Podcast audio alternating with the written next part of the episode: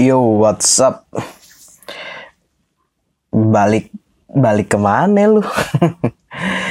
balik lagi di podcast radio show bersama gua Joe, the only one podcaster in here pastinya.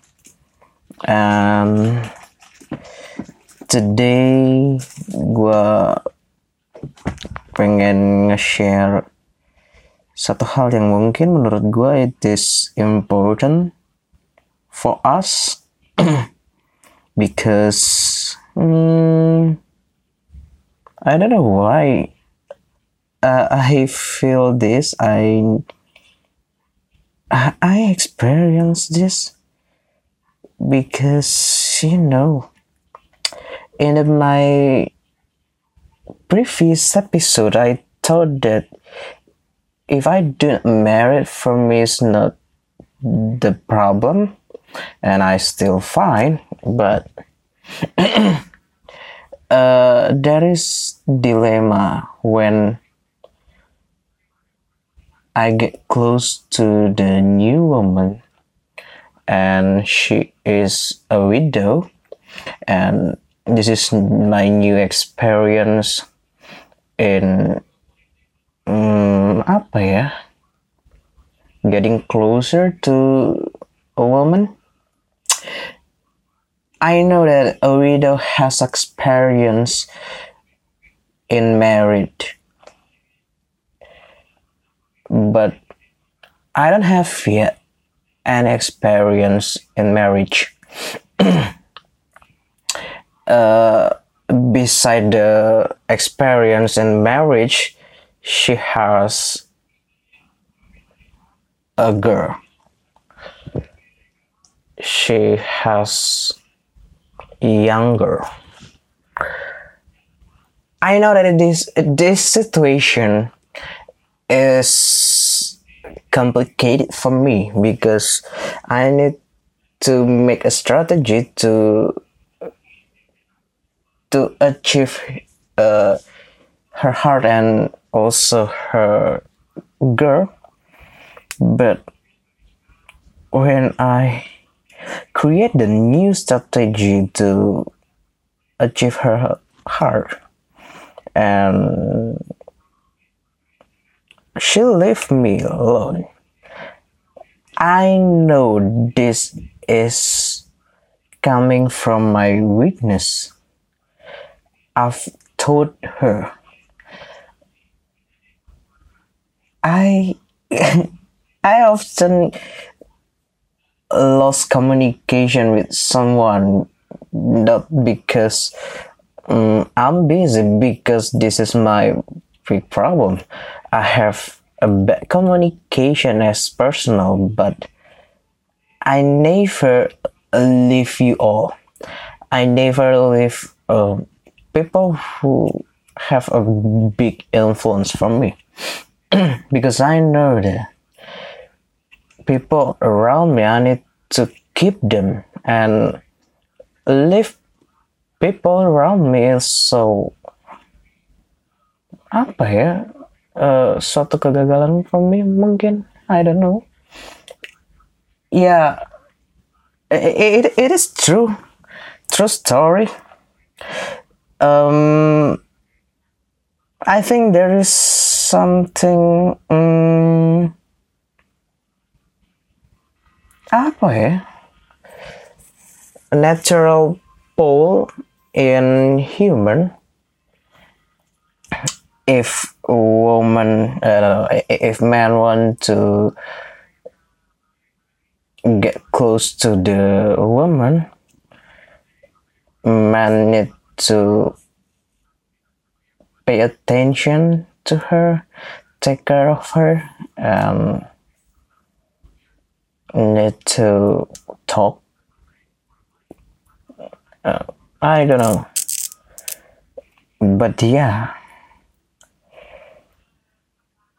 you know, I have a bad communication. Like, I seldom contact her, chat her and I feel like, yeah, this is me, me.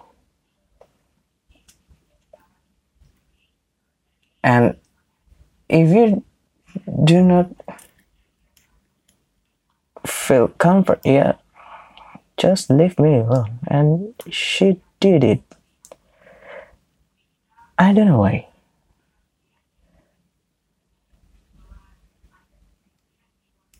Gue tahu gitu cewek tuh kelemahannya diperhatiin. I know. And gue ngerti banget eh, nggak uh, komunikasi gitu adalah kelemahan gue dan nggak komunikasi artinya gue kurang perhatian.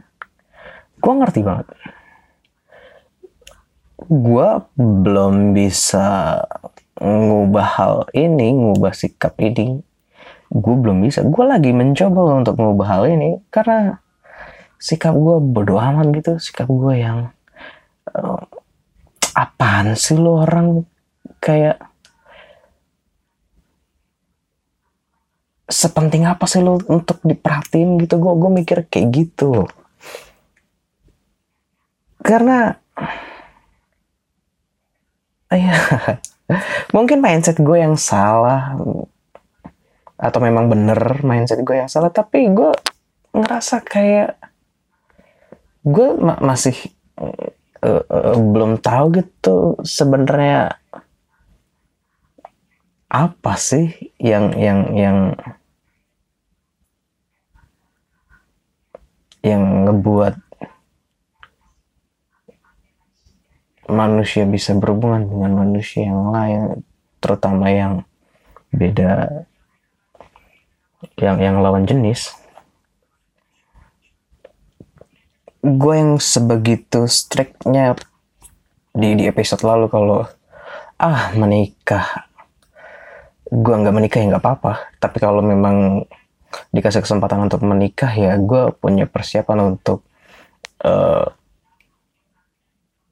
ngejalanin kehidupan pernikahan. Mungkin gue terlalu muda untuk ngomong hal itu. Mungkin gue terlalu cepat untuk uh, idealis gitu.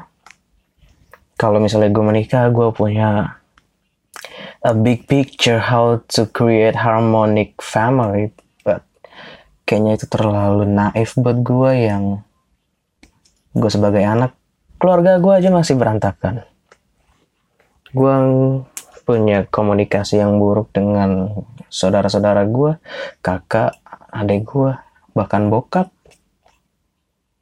ya gue tahu itu kekurangan gue gue tahu masalahnya di komunikasi. Dan kalau misalnya dikasih kesempatan untuk menikah sementara di kehidupan gue sebagai seorang anak itu belum selesai permasalahannya. Maksud gue kayak belum ada perbaikan lah gitu.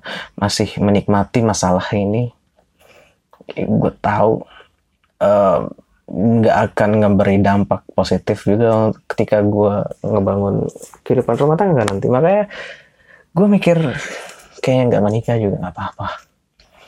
Iya kenapa memang? But di sini dilemanya. Um,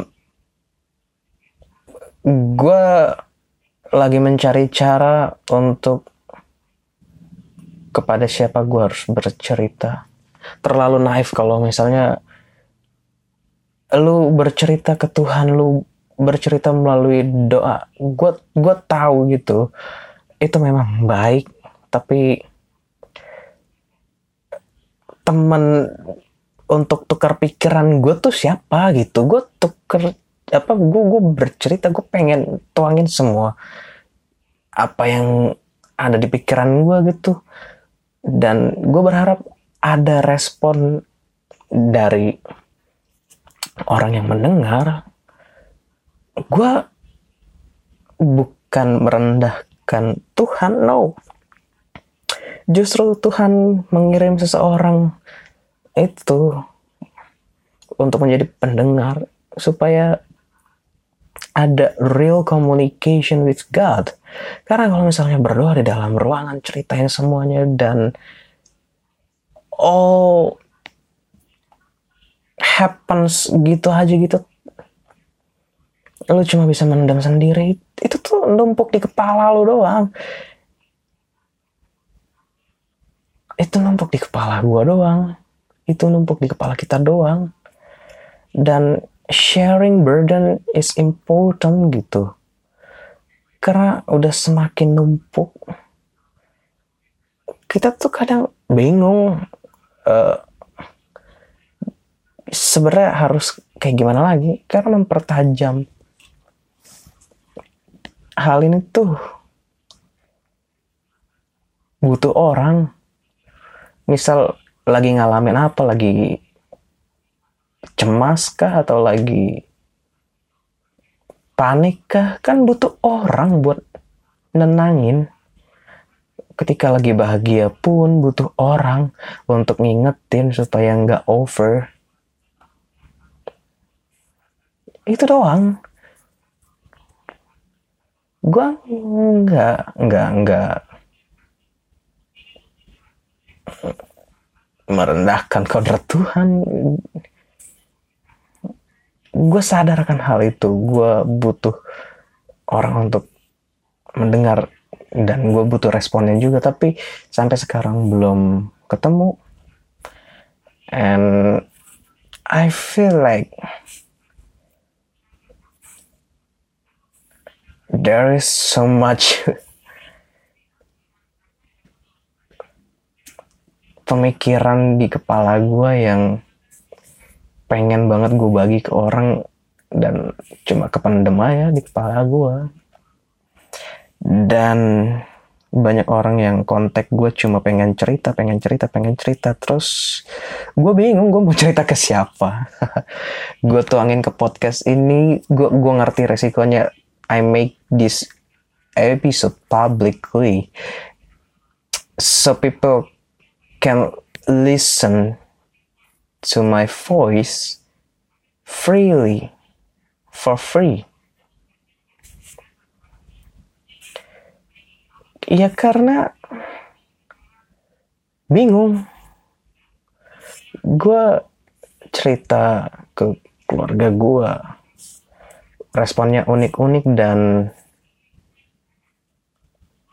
nggak nggak nyaman aja gue gak tahu kenapa respon mereka tuh kayak bukan respon yang gue harapin. Hmm, hmm, gue nggak tahu.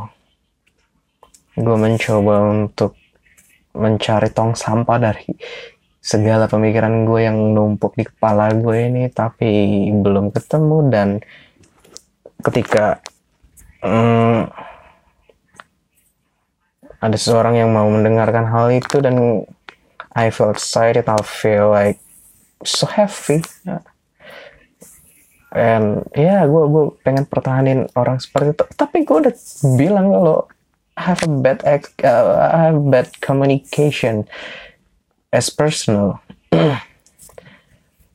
Karena ya kelihatannya sibuk kelihatannya banyak kerjaan, kelihatannya kayak banyak duit, padahal ada kekosongan, ada kesepian yang gue rasain. Ternyata yang nggak mau gue tunjukin aja sebenarnya. Tapi gue nggak bisa nggak bisa nahan lagi sampai akhirnya ya udah gue cerita di podcast ini aja kali ya. Ada pikiran kayak oke okay, mabok asik nih kayak ke nightclub tuh bisa jadi temporary solution. Kayaknya having sex dengan mucikari itu bisa jadi solusi tapi no. Gue nggak mau ngambil hal itu karena itu cuma ngasih temporary solution.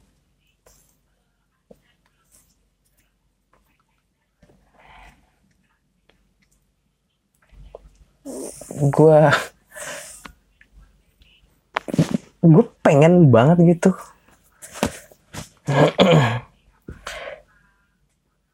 Nemuin sebuah cara nemuin sebuah formula yang the best for me. Dan setelah gue nemuin formula ini gue akan begitu pedenya. Dan gue begitu apa ya begitu apa? Ngomong ngalor ngidul gini. Udah amat lah ini episode episode ngalor ngidul kayaknya. Tapi ini semua pemikiran gue yang ada di kepala gue yang mau gue tuangin aja sih. Bodo amat mau siapa kayak yang denger. Jadi gini loh. Gue nih di usia tiga tahun ditinggal sama nyokap kandung gue dan gue nggak pernah tahu sampai sekarang wujud nyokap gue tuh seperti apa? Gue cuma bisa ngeliat dari foto dan juga cuma bisa dengar cerita-cerita dari tetangga cerita-cerita dari uh, saudara-saudara gue tentang nyokap gue hmm, betapa baiknya nyokap gue tapi kan gue nggak pernah tahu rasa baiknya nyokap perhatiannya nyokap kayak gimana. Bahkan masih ada aja saudara gue yang selalu ngebandingin uh, kehidupan gue yang sekarang dengan kehidupan gue bersama nyokap kandung gue yang menurut gue kayak anjing lu semua yang ngomong kayak gitu. Ngapain sih lu ngomong kayak gitu? Gue nggak pernah tahu perhatian nyokap gue kayak gimana. Gue usia tiga tahun mana inget muka nyokap gue dan gue nggak tahu perhatian nyokap tuh kayak gimana gitu. Gue cuma bisa ngeliat dari foto tapi lu dengan enaknya ngebandingin lu kalau misalnya masih ada nyokap lu kayak kehidupan lu nggak kayak sekarang nih lu bisa begini bisa begini misalnya tai lu semua. Yang ngebuat gue kayak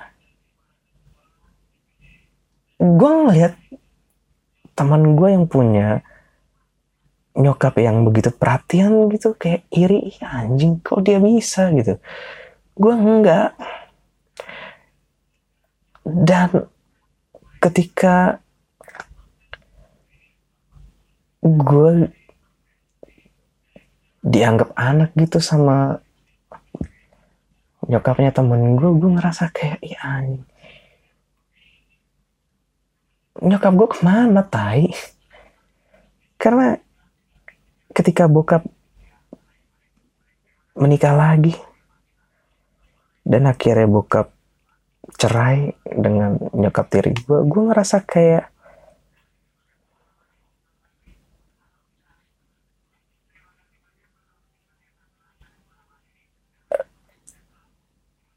orang orang kok bisa ya ngerasain kasih sayang ibu gitu? Gue ngerasa kayak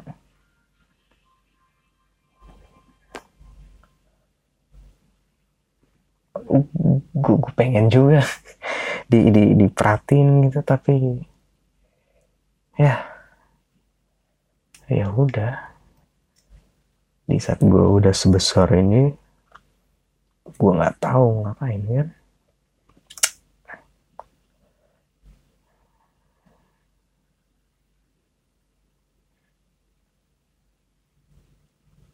Dari pengalaman itu yang ngebuat gue udahlah. Kayaknya nggak menikah ya nggak apa-apa gitu. Karena kalau misalnya menikah semisal gue nggak bisa gitu. Ngedidik anak gue dan gue nggak bisa. Nyukupin gitu atau gue nggak bisa ngembangin potensi atau bakatnya anak gue gue ngerasa kayak mending gue gak usah nikah sekalian. Ya gitu. Gue mikir. Dan ketika gue berhubungan dengan wanita pun sering banget gue ditolak. Sering banget gue ditinggalin gitu padahal ada banyak waktu yang gue luangin untuk nunjukin aja. Kalau kalau gue punya usaha gitu. Tapi ya gue gue tahu ini ini ini terlalu personal banget sih. Dan ya udahlah ya. Gue pengen cerita aja lah. Apa yang ada di kepala gue bodo amat mau siapa yang dengerin gue akan senang banget kalau lu yang denger episode ini dan lu ngasih respon kirim ke email. How how I feel how I think. Ah gue nggak tahu. Pokoknya lu ngasih respon pun gue udah bersyukur ya. Ada yang dengar bersyukur tapi ya takutnya yang dengar cuma bot bukan real person atau kalau real person tapi nggak ngerti apa yang gue omongin karena beda negara atau beda bahasa gue nggak tahu. Iya gue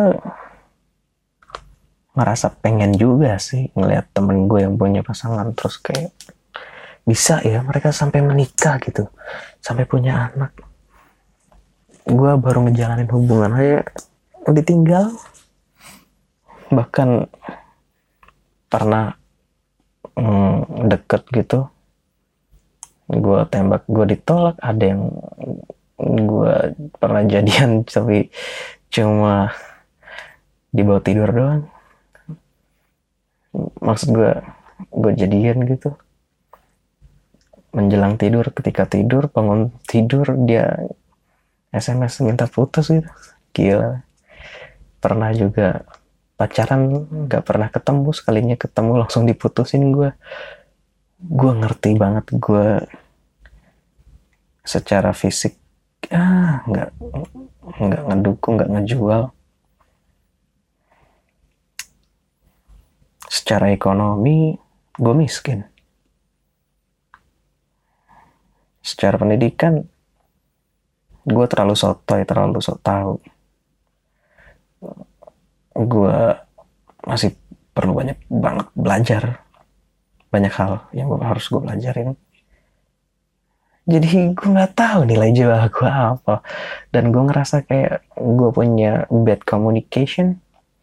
Dan dari situ ngebuat gue ngerasa kayak ya udahlah. Kayaknya memang solusi yang terbaik adalah gue nggak perlu berhubungan dan gue nggak perlu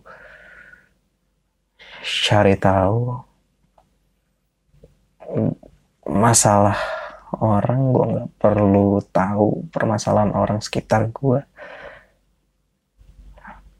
kayak gue gue bukannya mau jadi antisosial tapi keadaan gue seperti ini. Dan gue nggak tahu gitu. Cara nanganinnya harus kayak gimana?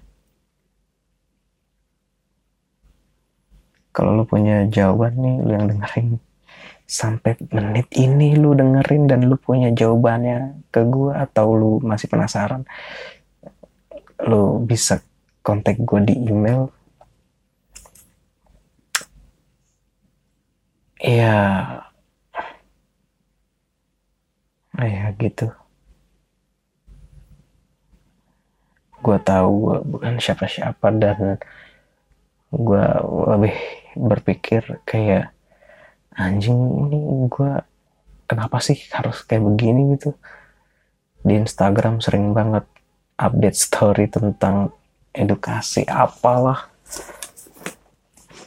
terlalu asik dengan dunia gue sendiri.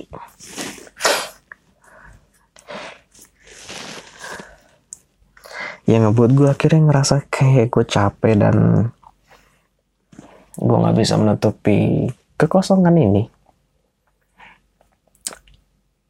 Untuk lu Joe 10 atau 5, 5 atau 10 tahun yang akan datang ketika lu dengerin episode ini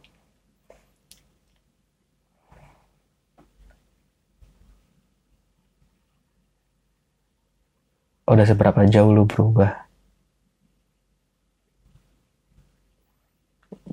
Joe yang ada di 2021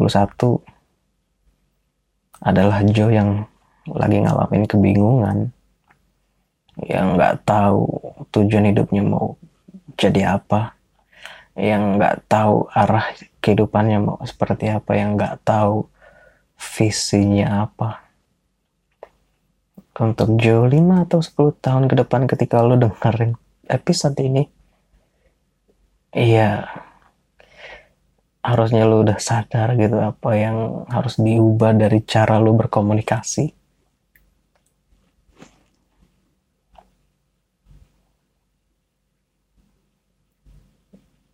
Untuk lu Joe 5 atau 10 tahun yang akan datang lo harus ngeliat kalau Joe di tahun 2021 pernah berpikir ketika solusi meninggalnya bokap adalah solusi terbaik. Lo harus lihat apakah bokap lo masih hidup apa enggak lima tahun lagi atau 10 tahun lagi. Ketika ada masalah keluarga